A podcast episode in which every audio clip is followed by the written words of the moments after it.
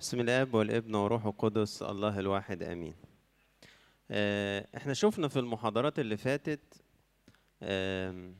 ربنا اللي خلق من العدم وشفنا خليقته الحسنة والحسنة جدا وشفنا المرة اللي فاتت بالذات تاج هذه الخليقة اللي هو الإنسان وازاي ربنا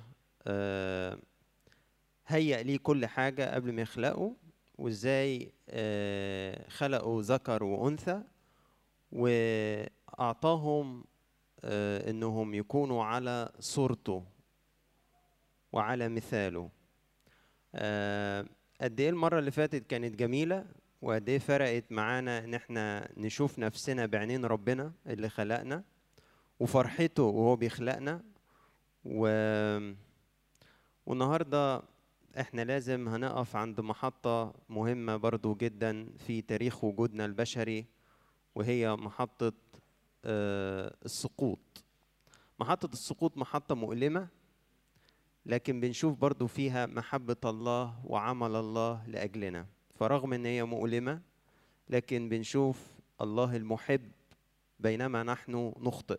الله المحب بينما نحن نخطئ. دي المحاضرة الرابعة في الجزء الأول بتاعتنا وعنوانها الخطية وأخبار الله السارة. آه، طلعوا مع بعض الكتاب مقدس سواء من الموبايل أو آه، كتاب مقدس الورقي وهنقرأ مع بعض أصحاح اتنين عدد 16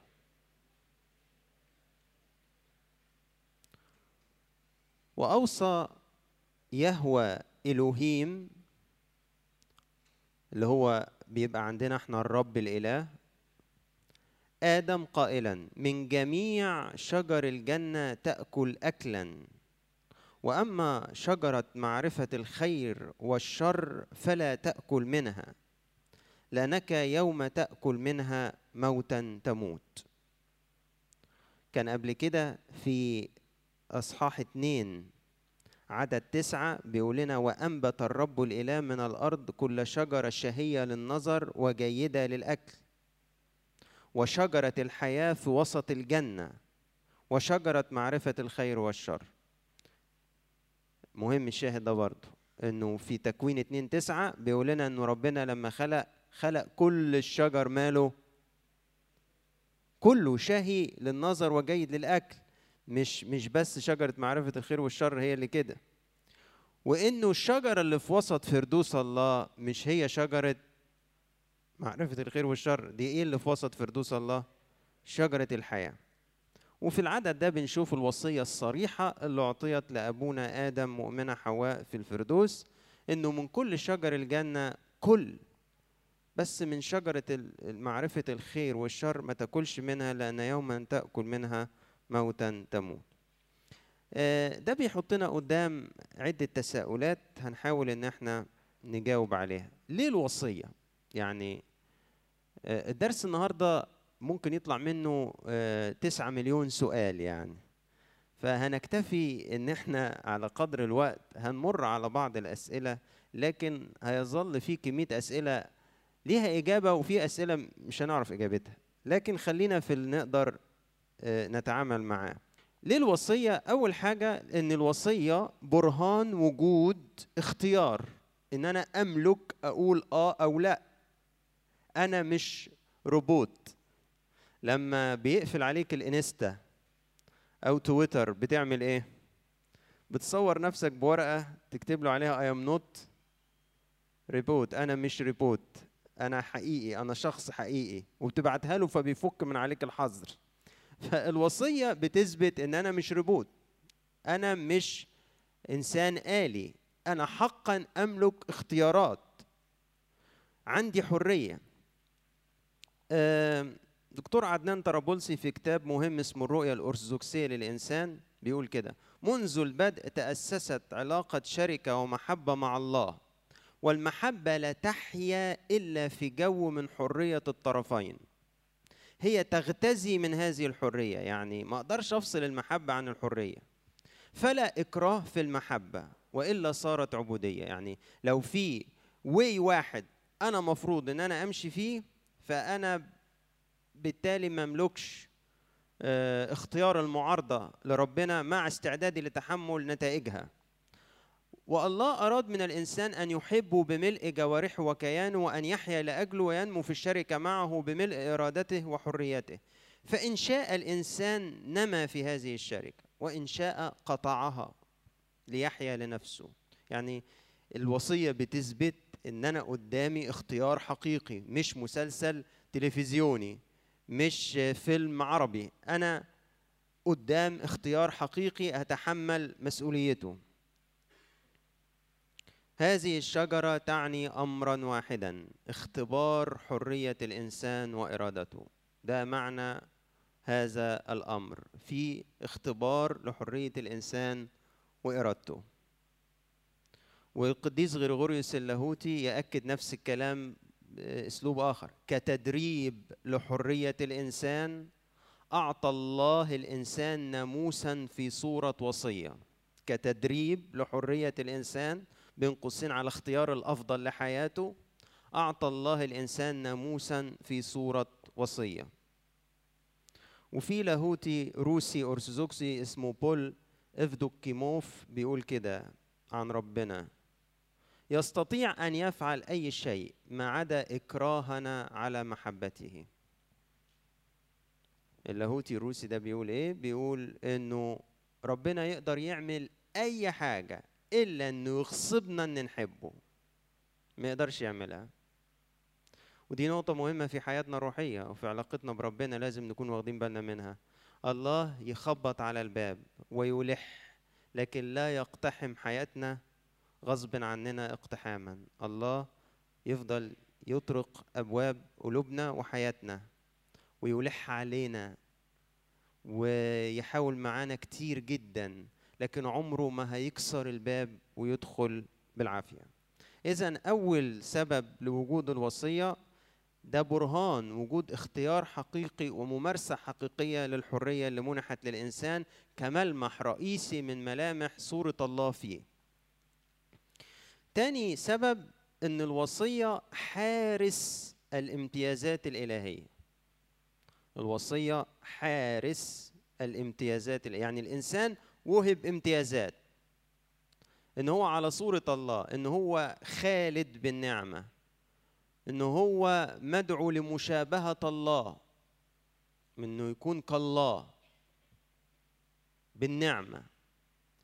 وإن هو ما يموتش.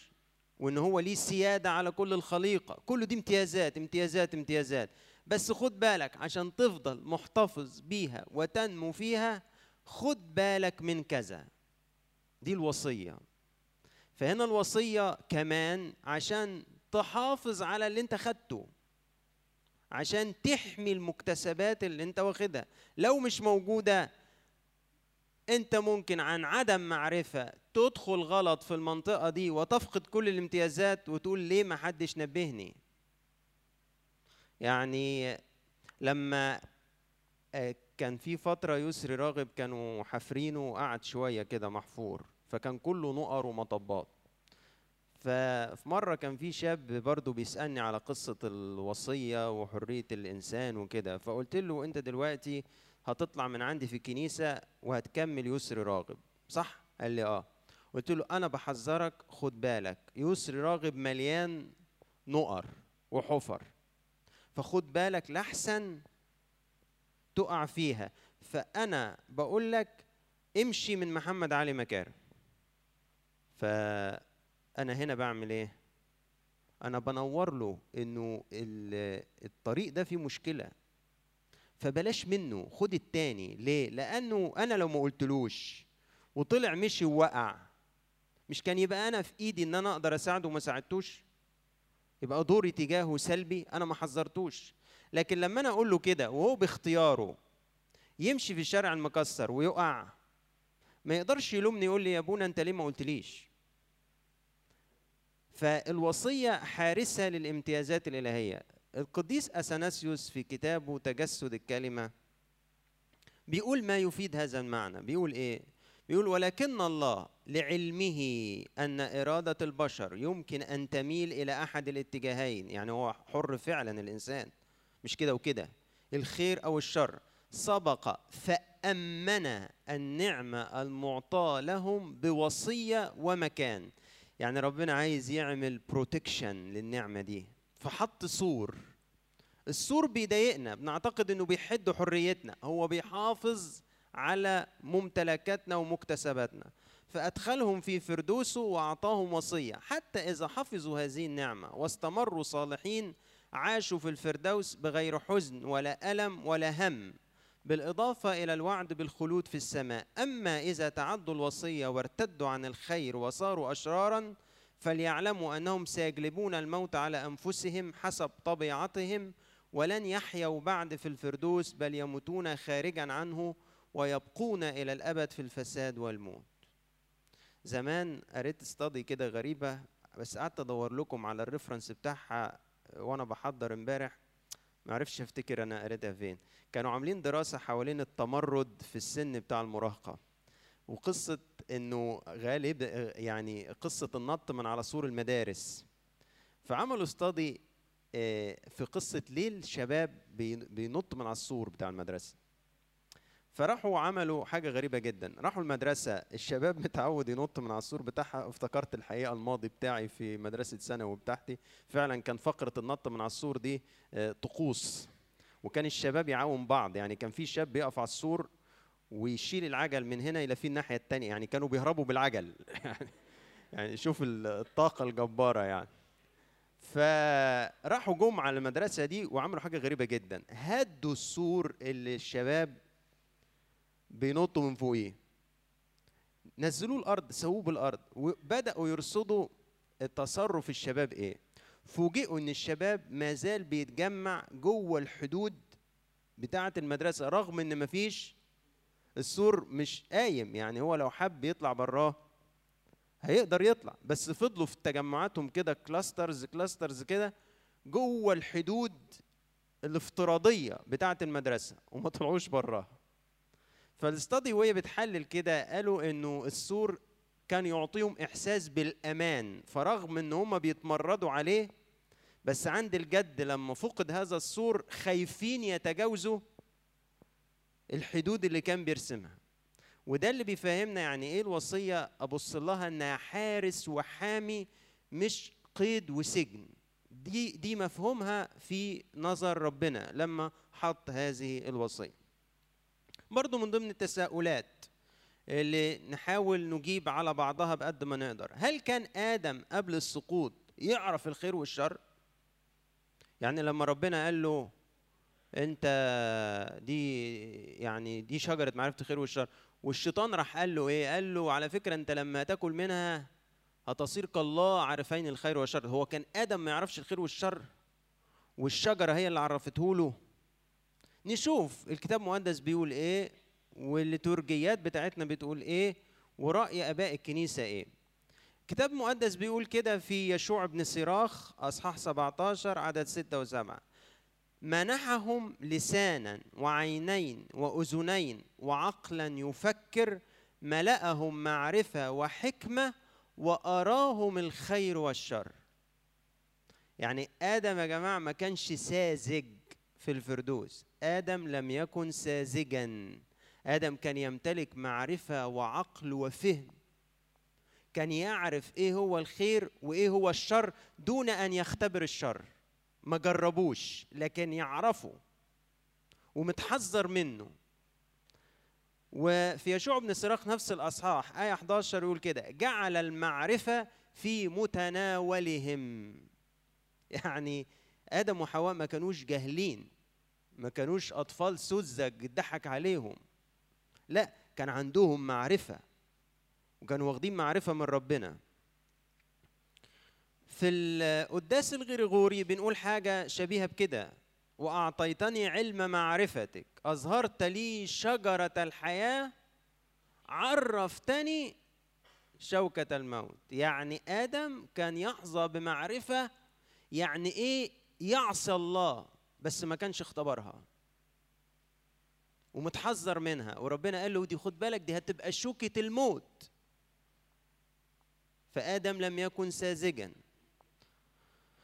غرس واحد نهيتني أن آكل منه. هذا الذي قلت لي لا تأكل منه وحده فأكلت بإرادته وتركت عني ناموسك برأيي وتكاسلت عن وصاياك. أنا اختطفت لي قضية الموت. أمثلة لرأي آباء الكنيسة رأي القديس يوحنا زابيل الفم في كتاب نزل من فترة قريبة اسمه عظات على سفر التكوين. أعتقد بعضكم عنده هذا الكتاب. تقدر تكتب الشاهد دوا لأنه صعب أقراه كله. آه، الكتاب دوا من صفحة 48 بيدي ملخص بيأكد ليه القديس يوحنا زبيل الفم بيأكد إن آدم وحواء كانوا يعرفوا الفرق بين الخير والشر. وبيقول إن هم يعرفوه معرفة نظرية ودي أحد درجات المعرفة. وفي معرفة خبرة إنه يمارس الشر وفي معرفة أكتر إنه يجرب نتائج ممارسته للشر. آدم كان يعرف الأولى إنه مفرق نظري إيه هو الخير وإيه هو الشر لكن لسه ما جربش الشر. وكان في درجتين تاني إنه يعمل الشر ويخطئ وإنه يشوف ثمر فعلته إيه. دي كلها درجات متصاعدة من المعرفة. ومن صفحة 157 ل 163 في نفس الكتاب ده عظات على سفر التكوين القديس يوحنا زبيل الفم بيشرح باستفاضة ليه الشجرة دي متسمية معرفة الخير والشر. مش لأنها بتهب معرفة الخير والشر لكن هي شجرة زيها زي أي شجرة مجرد test هل الإنسان يسمع كلام ربنا ولا يسمع مشورة إبليس أو مشورة نفسه لكن هي شجرة زيها زي باقي الشجر. هي just بلاش دي.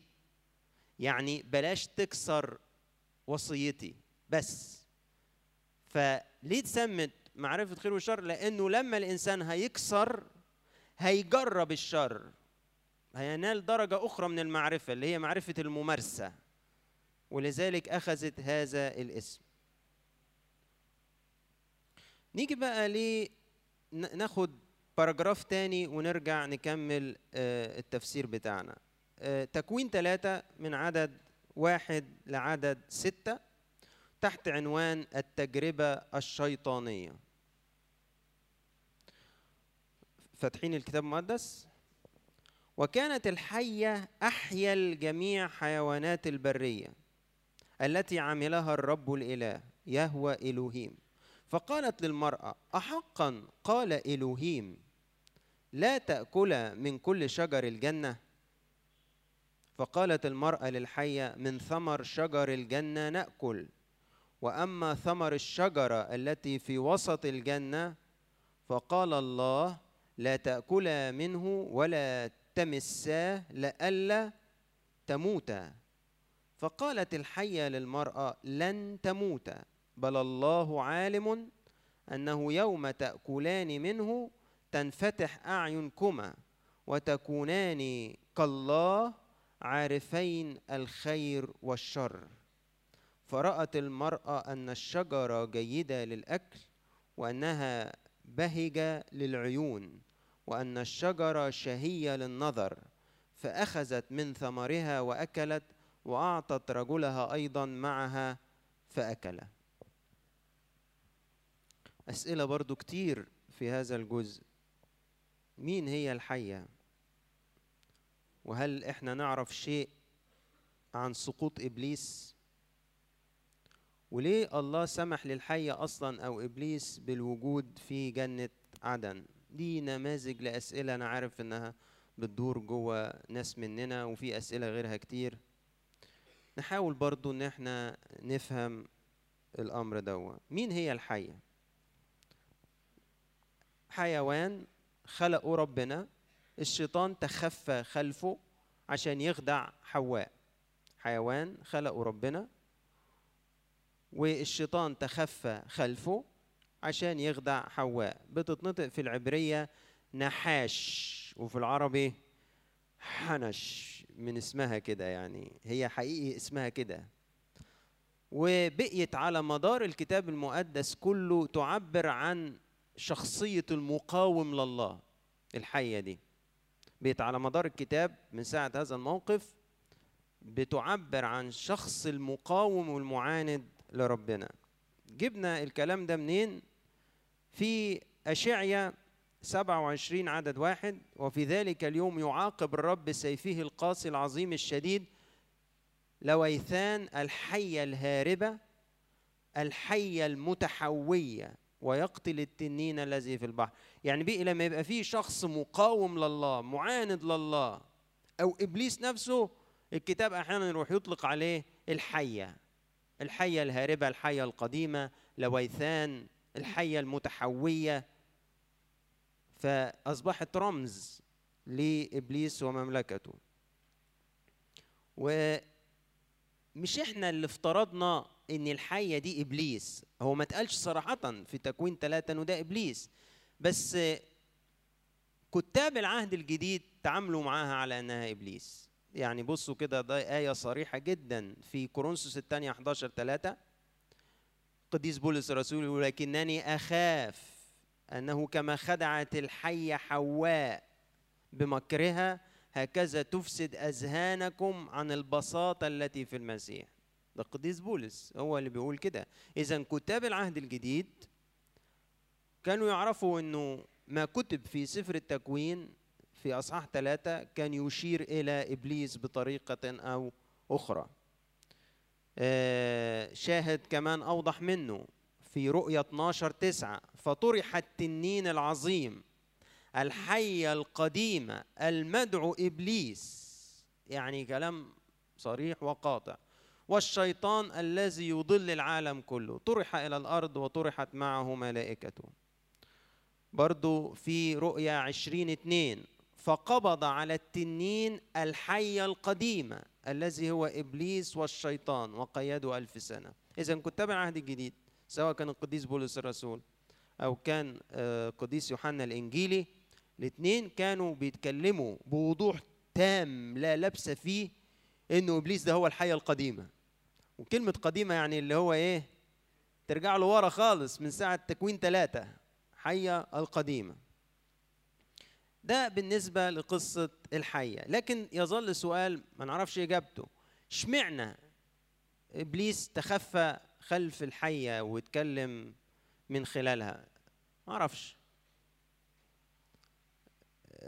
اتعودت إني أقبل إن يكون في حاجات ما أعرفهاش. آه السؤال الثاني هل إحنا نعرف شيء عن سقوط إبليس؟ يعني الشر على فكرة ما بدأش بآدم وحواء. لا ده إبليس كان سابقهم. طب إحنا نعرف حاجة عن سقوط إبليس؟ نعرف القليل اللي كشفت عنه الأسفار بتلميحات.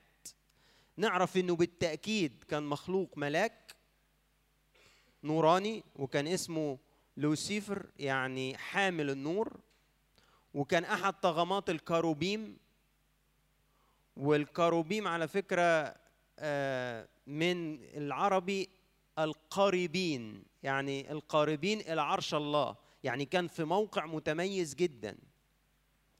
ونعرف إن سقوطه تم قبل خلقة الإنسان. ونعرف إنه أعطيت فرصة اختبار لكل الملائكة ينحازوا لربنا أو لإبليس. اجتازوا اختبار لممارسة حريتهم ومنهم من بقي في معسكر ربنا ومنهم من اختار إنه يكون في معسكر إبليس. وما عادش في اختبار للملائكة حاليا ده تم في وقت من الأوقات وانتهى. دي المعلومات اللي إحنا نعرفها. طب إيه الشواهد اللي ممكن تساعدني لكده؟ أه حسقيال 28 أصحاح 28 بيتكلم بس هتلاقوا كلام عن واحد اسمه ملك سور. واشعيا 14 وتلاقوه بيتكلم عن ملك بابل. بس وانت بتقرأ الأصحاحين دول هتلاحظ إن اللغة شوية تركب على ملك أرضي وشوية ما تنفعش تركب على ملك أرضي خالص. وشوية تركب على إبليس تماما وشوية ما ينفعش تطبق على إبليس لأنه الكتاب بيوجه هجوم على ملك بابل وملك سور إنهم يكادوا يكونوا استنسخوا وكرروا فعلة أبوهم اللي هو إبليس. يعني بيتصرفوا كما لو إنهم إبليس فربنا هو بيكلمهم بيقول التصرفات دي مش غريبة عن إبليس. فتلاقي الكلام رايح جاي ينفع يتطبق على ملك أرضي وينفع يتطبق على إبليس. السؤال الثالث لماذا سمح الله للحية أو إبليس بالوجود في جنة عدن؟ ليه ربنا يسمح للحية أو لإبليس إن هي تبقى موجودة في الجنة؟ آم، مات سليك دوا مؤسس لمنظمة آه، تختص بالدفاعيات المسيحية.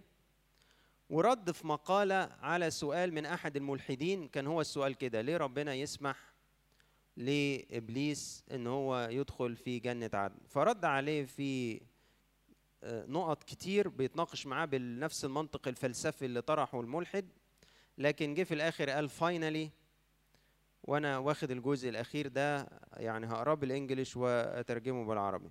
Why did God let Satan into the garden knowing what would happen? ليه ربنا سمح لإبليس إنه يدخل الجنة وهو عارف اللي هيحصل؟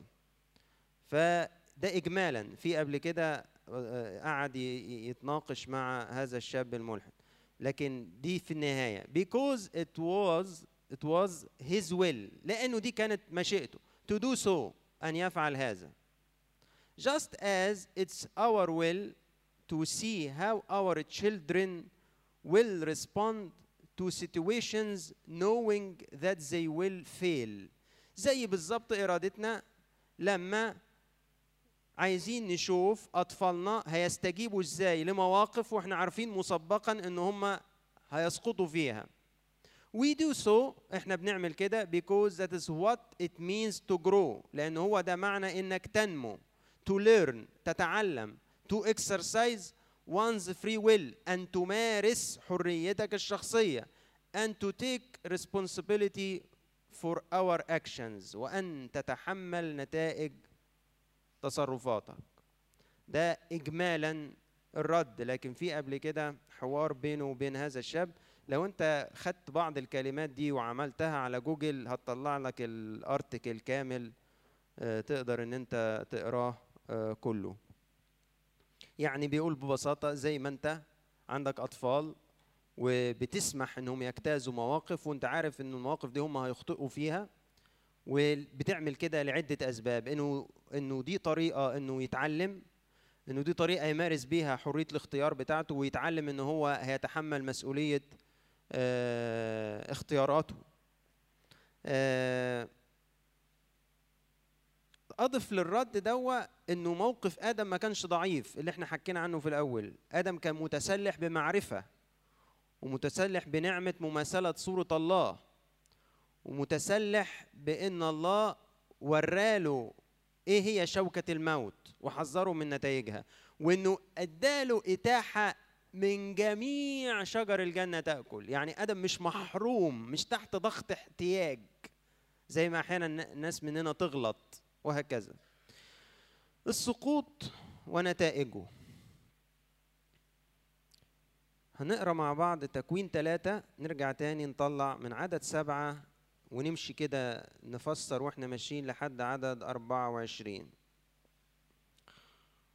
فانفتحت أعينهما. وعلم أنهما عريانان فخاط أوراق تين وصنع لأنفسهما مآزر. عايزين بقى نبتدي نطلع إيه اللي حصل بعد ما اتكسرت الوصية. هل انفتاح الأعين هنا إيجابي؟ الكلمة دي إحنا بن بنحبها في الترانيم. وبتدينا كده ملمح عن الاستنارة. هل فعلا دي كانت استنارة؟ ولا ولا ولا الكلمة اللي بنستعملها دلوقتي مختلفة عن دي؟ انفتحت أعينهم أنا عشان كده جايبها من النص السبعينية باليوناني. بتيجي بثلاث معاني. منهم معنى استحالة يكون هو المقصود في الآية اللي إحنا فيها آه، ال- الذكر فاتح الرحم بيستعمل معاه الفيرب ده اللي هو انفتحت اعينهما لما تيجي مرأة تخلف أول طفل ذكر فخروجه من رحمها بيستعمل معاه التعبير ده. فطبعا مش ممكن يكون هو ده المقصود. المعنى الثاني رمزيا عن الأعين والآذان والقلوب والأذهان لما تستقبل أو تفهم أمر ما. وده ممكن يكون المعنى المقصود. يعني يطبق على العين يطبق على الودن يطبق على الذهن يطبق على القلب إن هو يستوعب ويدرك أمر ما. المعنى الثالث وده وارد برضه يكون of what has been hidden or obscure explain interpret open up. يعني حاجة كانت غامضة مخفية وتم شرحها واتفسرت. والمعنى ده برضو جايز انه يكون هو المقصود. يعني ب- بخلاصة الأمر انفتحت أعينهما يعني أدركوا المصيبة أدركوا أبعاد اللي هم عملوه. مش إن هم استناروا مش إن هم يعني عرفوا حاجة كان ربنا حارمهم منها لا هم أدركوا فهموا الخديعة اللي تعرضوا ليها. أدركوا وفهموا أبعاد الموقف اللي هم حطوا نفسهم فيه. وعلم أنهما عريانان. والحاجة اللي كانت موجودة من الأول شعروا تجاهها بخجل شديد. طبعا هنا في قديس من قديسين الكنيسة أبونا توما يحبه خالص اسمه قديس يعقوب السروجي. عنده عظات شعرية بقى رهيبة جدا. فيقعد يتأمل بقى في الثياب بتاعت آدم إن آدم ما كانش عريان في الأول ده كان متغطي بالنور البهي. وهو اتعرى بسبب إنه أخطأ فزال عنه هذا النور فبقي عريان فعلا. يعني يقعد بقى يتأمل في قصايده الشعرية بطريقة رهيبة جدا وتقدروا تقروها مجانا وبالعربي. فراحوا جابوا ورق تين وبدأوا يعملوا لروحهم ملابس. وسمع صوت الرب الإله يهوى إلهيم ماشيا في الجنة عند هبوب ريح النهار. جاية في السبعينية عند العشية. عند العشية في السبعينية. فاختبأ آدم وامرأته من وجه الرب الإله يهوى إلهيم في وسط شجر الجنة إحنا لاحظنا في إدراك آه، لحجم الأمر في خزي وخجل ودلوقتي في اختفاء عن ربنا. دي تبعات السقوط يا جماعة زي ما جت في الكتاب. اختفاء عن ربنا. ما كانش بيحصل قبل كده. فنادى الرب الإله آدم وقال له أين أنت؟ أنت فين؟ السؤال ده هتلاقوه آه، مسار حديث بينكم في مجموعات الشركة لما تروحوا. ليه ربنا بيسأل في كل المواقف اللي زي كده؟ ليه سأل آدم؟ قال له أنت فين؟ رغم أنه عارف. ليه سأل قايين؟ قال له فين أخوك؟ رغم أنه هو عارف. ليه ربنا بيسأل وهو عارف؟ ده هتلاقوه موجود عندكم النهاردة في مجموعات الشركة. فقال له سمعت صوتك في الجنة فخشيت لأني عريان فاختبأت. ما زال ربنا بصوا هو اللي بيبادر. عشان هنا بتبتدي لمحات المحبة الإلهية. الإنسان وهو ساقط. مين اللي رايح يدور؟ مين؟ ربنا هو اللي رايح يدور. مين اللي خارج يدور على آدم ويدور عليه؟ ربنا. مش آدم اللي رايح لربنا يقول له أنا عكيت وتعالى حل لي مشكلتي. ربنا اللي رايح عشان يعرف آدم إنه يواجه مسؤولية تصرفه عشان يعالج له الموقف اللي هو عمله. فقال له أنت مين اللي قالك إنك عريان؟ هل أكلت من الشجرة التي أوصيتك ألا تأكل منها؟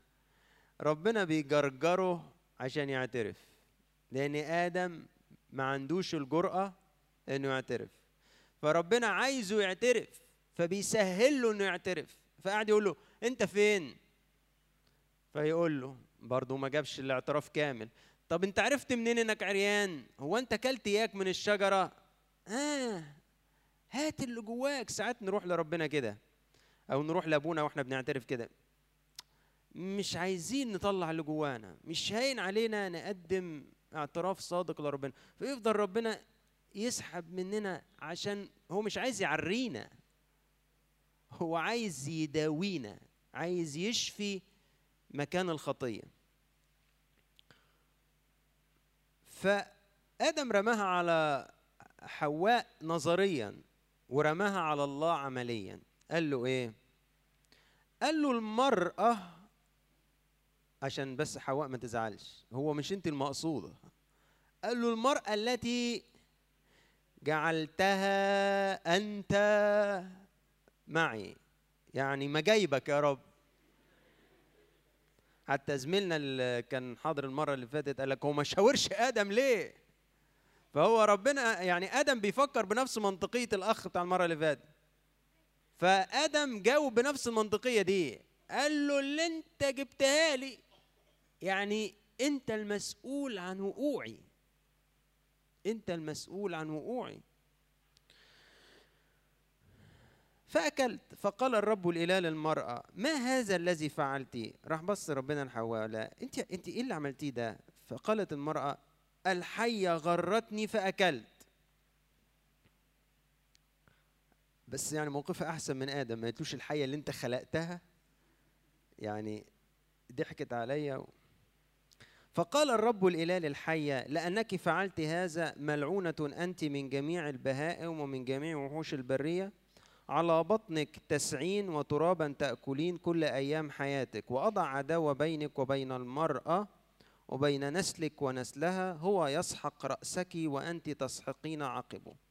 الآية دي بتعتبر أول بشارة بالمسيا في الكتاب المقدس كله. بيسموها باللاتيني بروتو إيفانجيلوم. البشارة الأولى. أول بشارة بالمسيا في الكتاب المقدس.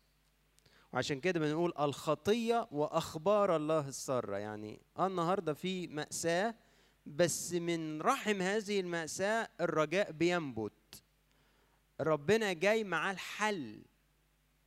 ربنا لم يفاجأ بسقوطنا.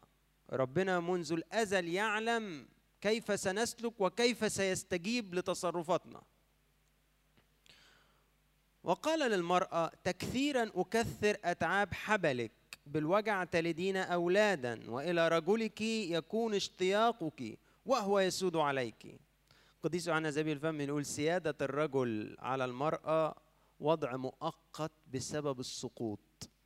يعني ما كانش من البدء إنه الرجل ليه سيادة على المرأة.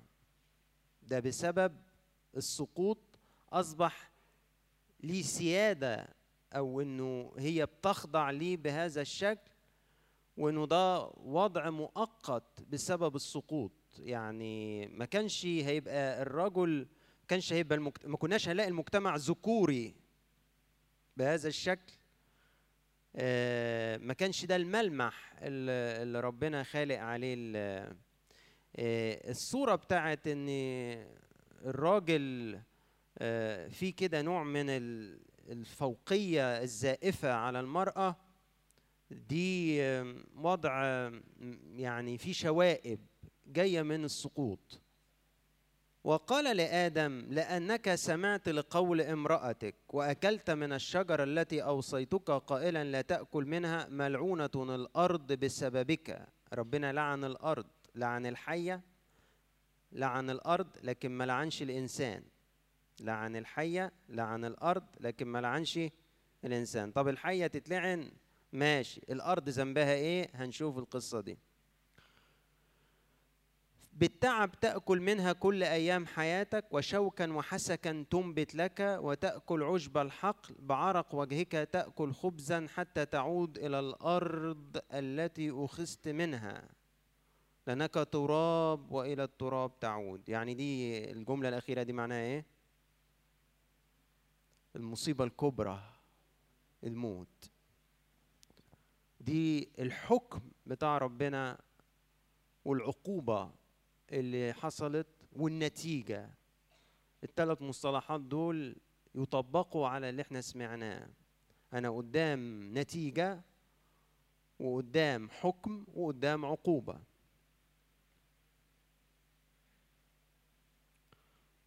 لو جيت بقى من البساطة بتاعت لغة الكتاب واشوف الآباء شافوا الموضوع إزاي انه كبير فألاقي آه القديس أثناسيوس في كتاب تجسد الكلمة يقول كده فإن كانوا البشر وهم في الحالة الطبيعية حالة عدم الوجود قد دعوا إلى الوجود بقوة الكلمة وتحننه. يعني هم أصلا ما كانوش موجودين كانوا عدم زي ما شفنا ربنا خلق من العدم. ودعوا إلى الوجود بقوة الكلمة. كان طبيعيا أن يرجعوا إلى ما هو غير موجود يعني ما بيقولهم إلى التراب تعود.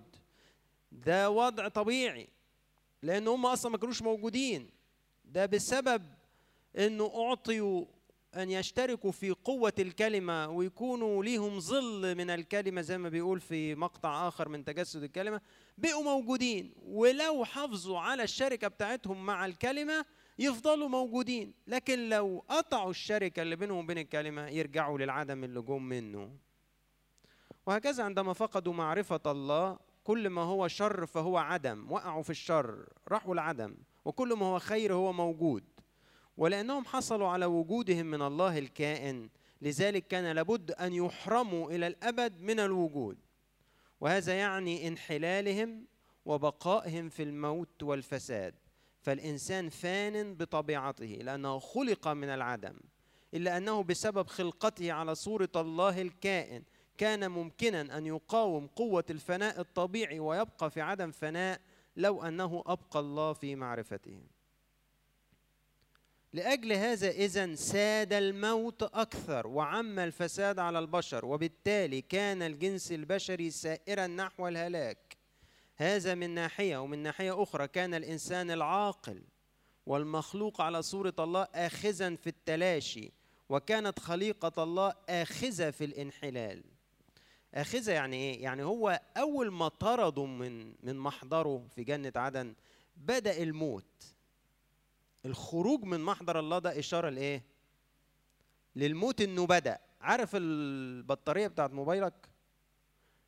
أول ما بتشيلها من الشاحن بيبتدي العداد بتاعها إيه؟ الخروج من جنة عدن من محضر الله كأنك فصلت الموبايل من إيه؟ من الشاحن ف already البطارية دلوقتي رايحة فين؟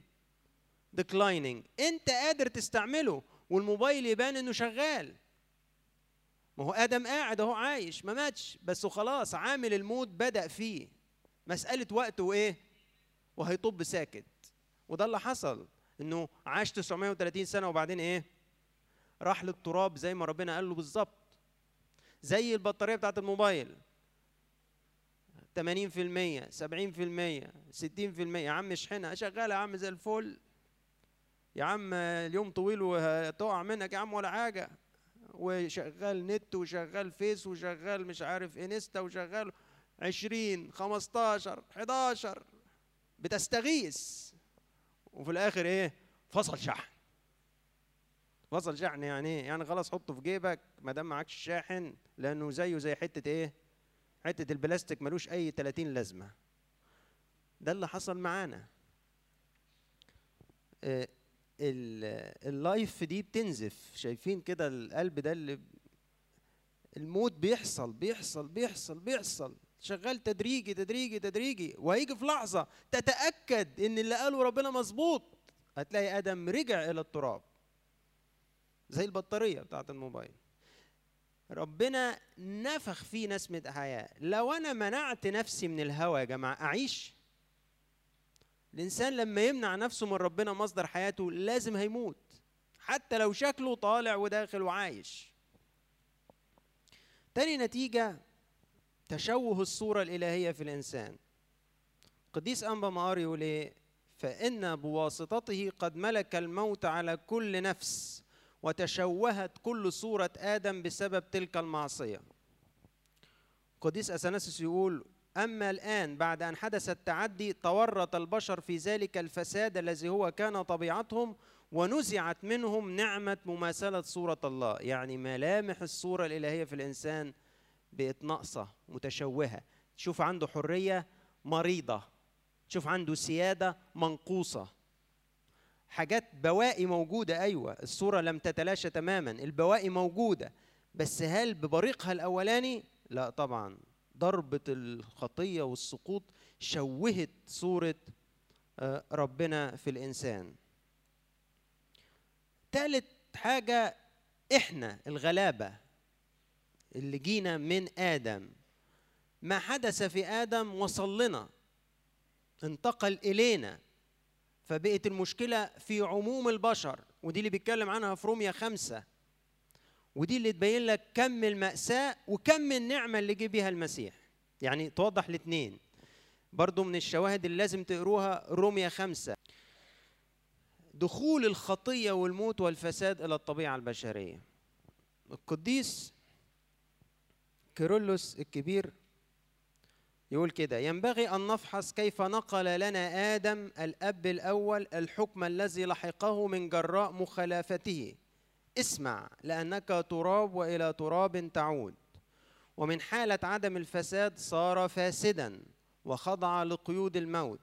وعندما صار للإنسان الساقط بالفعل في الموت أولاد أي هؤلاء الذين ولدوا منه ولدنا نحن فاسدين بما أننا أتينا من الفاسد بهذه الطريقة نحن وارثون لعنة آدم.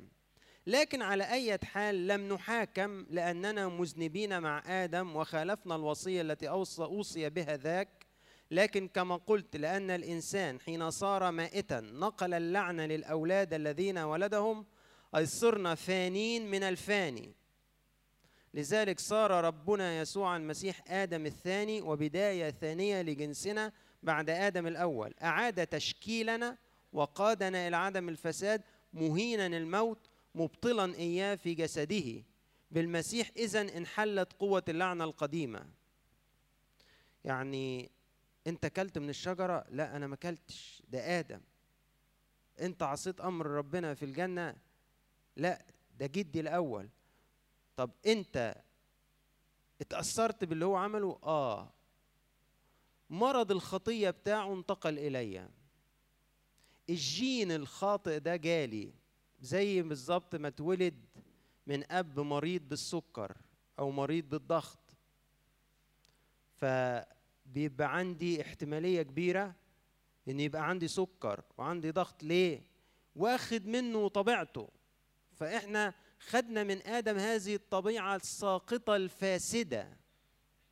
الخطية الأصلية اللي سقط فيها آدم دي مش مجرد أكشن يعني مش مجرد فعل ده وباء مرض فأصابني. ما أقدرش أقول إن أنا ما تأثرتش بيه.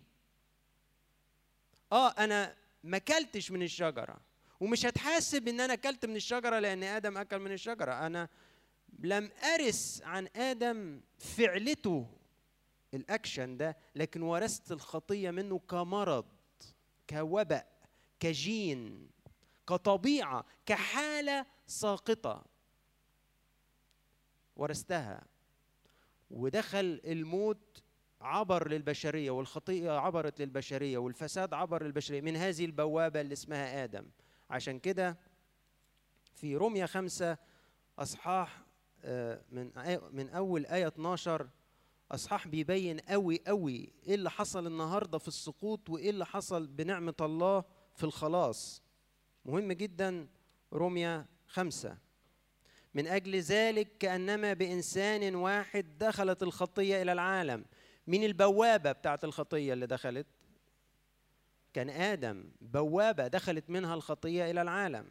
وبالخطية الموت. وهكذا اجتاز الموت إلى جميع الناس إذ أخطأ الجميع. أنا بقيت عرضة بسهولة أكتر إني أسقط في الخطية. آه ما زال عندي حريتي الشخصية بس مولود بطبيعة مائلة إلى الشر. طبيعتي اللي, اللي, اللي واخدها من آدم ميالة للشر. آه ما زالت عندي حرية وهتحاسب لأني أنا هعمل الخطية أو هعمل البر باختياري. لكن أنا مور سسبتبل للخطية دي يعني أكثر عرضة ليها. غيره هو هو كان في وضع افضل مني جوه عدن لما سقط. أنا قبل معموديتي برضو لألا تفهموا كلامي انه ينطبق علينا دلوقتي. قبل معموديتي أنا في وضع ضعيف جدا عن وضع آدم في جنة عدن. لكن بعد معموديتي أخذت إنسان جديد مخلوق بحسب الله في البر وقداسة الحق وصار لي المسيح آدم تاني. خدت منه طبيعته الجديدة اللي هي بحسب الله في البر وقداسة الحق. يبقى أنا لو بتكلم عن واحد مش معمد مش مؤمن بالمسيح مش متعمد مش واخد هذه الطبيعة الجديدة وضعه في مواجهة الخطية أصعب من اللي كان عليه آدم في الجنة لأنه طبيعته خبرة الشر متعورة. طبيعته متعورة فيها تعويرة. وهي دي اللي أنا ورثتها. ورثت حالة خاطئة كده حالة ساقطة. فعلى طول لحقتني المعمودية وبقيت منتسب لآدم جديد. فبدل ما أنا كنت وارث من دكها الموت والفساد ورثت كمان من آدم الجديد ورثت منه البر والقداسة والفداء. فبقيت وإن كنت جوايا إني جدي الأول كان سبب في تعبي فربنا المحب للبشر والصالح أوجد لي أصل جديد لوجودي هو المسيح.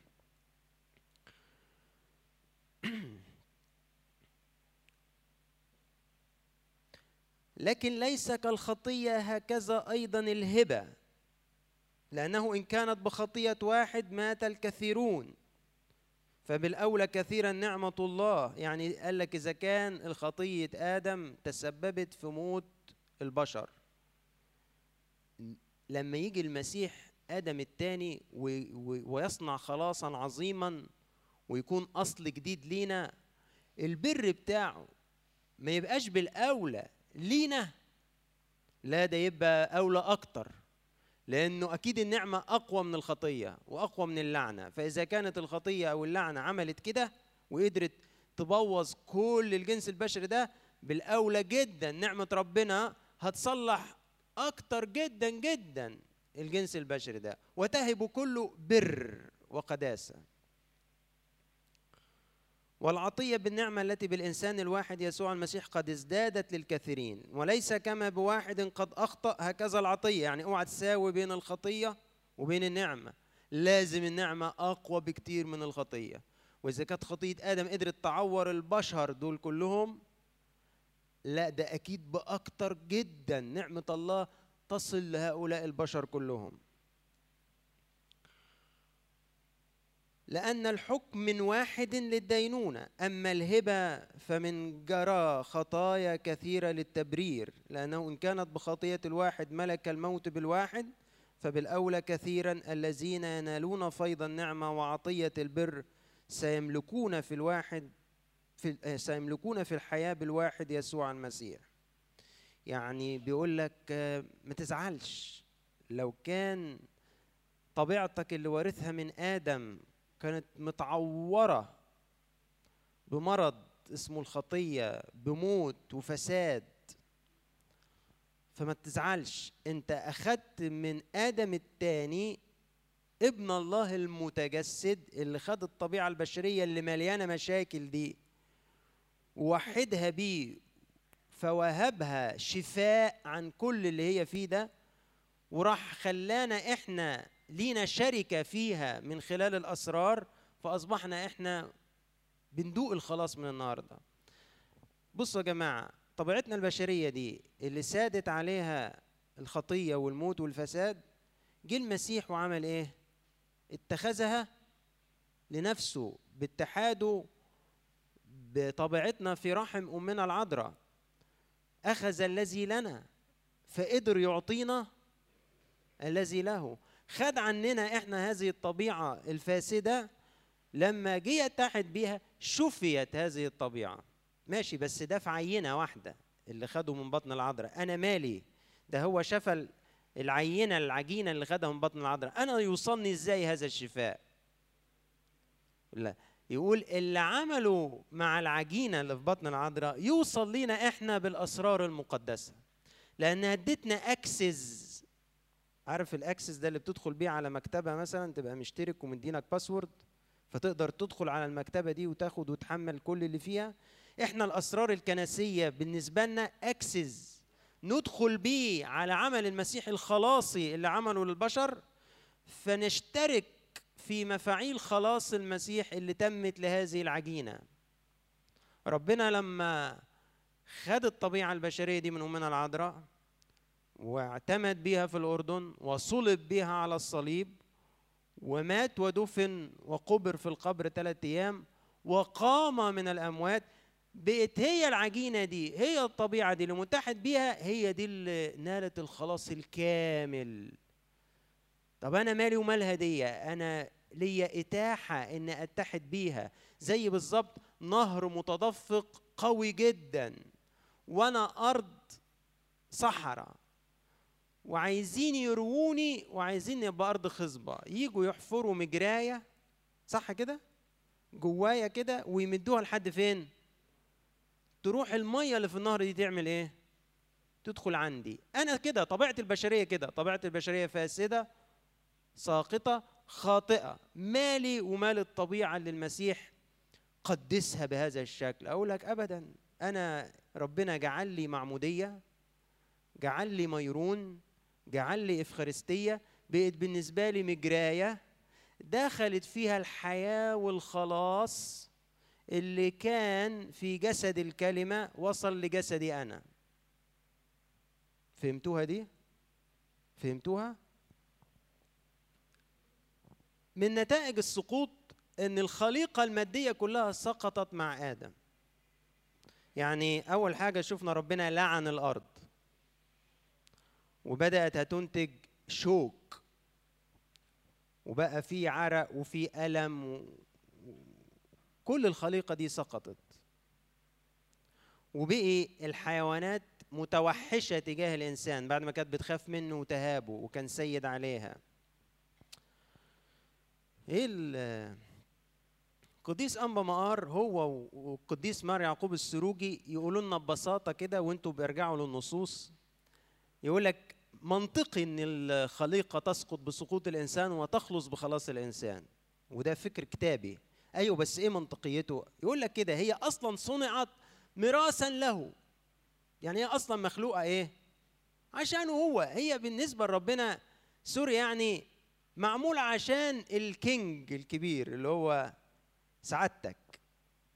فإذا كان أنا اللي هي معمولة عشاني في حال رديء لابد هي هتكون إيه؟ في حال رديء. قديس أنبا مار يحب التشبيهات السلسة فقال لك ببساطه جدا. ملك وراح أسر ملك آخر. مملكة الملك الآخر دي بتروح فين؟ بتروح في الأسر على طول وراه. كل العبيد اللي عنده وكل الممتلكات اللي عنده ما دام الملك بتاعها أسر وسقط يحصل إيه لمملكته تسبى معه فقال لك مش غريبة منطقية جدا إنه مع سقوط آدم تسقط هذه الخليقة لأنها صنعت له لأنها ميراثه يعني إنجاز التعبير هي ملهاش لازمة من غيره. فسقطت بسقوط آدم وتخلص بخلاص الإنسان أيضا. عشان كده في سماوات جديدة وفي أرض جديدة. و... آخر حاجة هقرأ معاكم كلمات من سقطوقيه يوم الاثنين القطعة الخامسة والقطعة السبعه لو عايز تسبح باللاهوت وترنم باللاهوت اتعلم تصلي السقطوقيات بتاعة التسبحه هتلاقي كل عقائد الكنيسة موجودة جواها بسلاسة. بس ممكن قبل ما أقول قطعة خمسة وسبعة أقرأ أول ربعين اللي هم القطعة الأولى. آدم بينما هو حزين سر الرب أن يرده إلى رئاسته.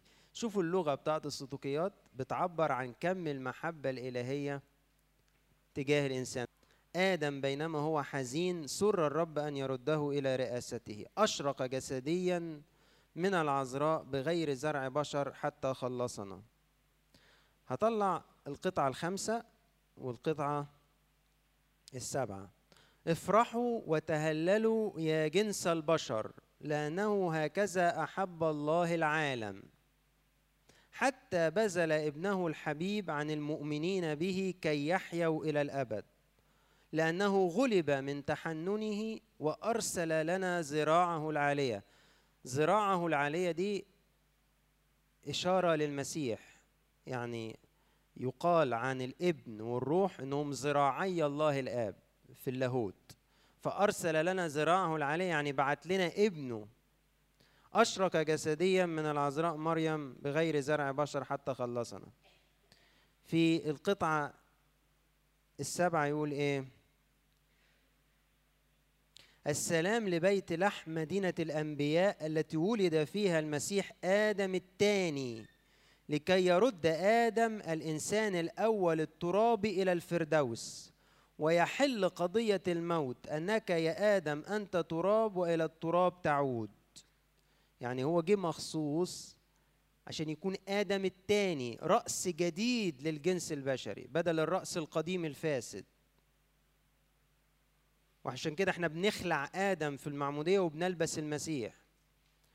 فبيقول بآدم الثاني عشان يرجع آدم الأول للفردوس اللي طرد منه ويحل قضية الموت. زي ما يقول القديس أثناسيوس حكم الموت اللي كان على البشرية يستنفذ في جسد الرب. لما جسد الرب مات فيبقى الحكم انتهى والموت انتهى. ويحل قضية الموت. لأن الموضع الذي كثرت فيه الخطية أي طبيعتنا البشرية الموضع الذي كثرت فيه الخطية تفاضلت فيه نعمة المسيح زادت فيه جدا جدا جدا بوفرة نعمة ربنا.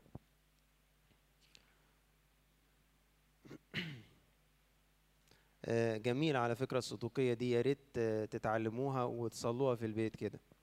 آدم فيما هو كان جالسا حزين. سر الرب أن يرده إلى رئاسته. أشرق جسديا من العذراء مريم بغير زرع بشر حتى خلصنا. إفرحوا وتهللوا يا جنس البشر. لأنه هكذا أحب الله العالم حتى بذل ابنه الحبيب عن المؤمن به كي يحيوا إلى الآباد. لأنه غلب من تحننه وأرسل لنا ذراعه العالية أشرق جسديا من العذراء مريم بغير زرع بشر حتى خلصنا. سلام لبيت لحم مدينة الأنبياء التي ولد فيها المسيح آدم الثاني لكي يرد آدم الإنسان الأول. الترابي إلى الفردوس ويحل قضية الموت. أنك يا آدم أنت تراب وإلى التراب تعود. لأن الموضع الذي كثرت فيه الخطية تفاضلت فيه نعمات المسيح. السطوقيات كلها بتشرح الخلاص اللي عمله ربنا. كل ما تقدر إن أنت تتعلمها وتصلي بيها في بيتك كل ما هتعرف سر المسيح أكتر وتختبره أكتر. ربنا يكون معاكم وللهنا كل مجد وكرامة إلى الأبد. آمين.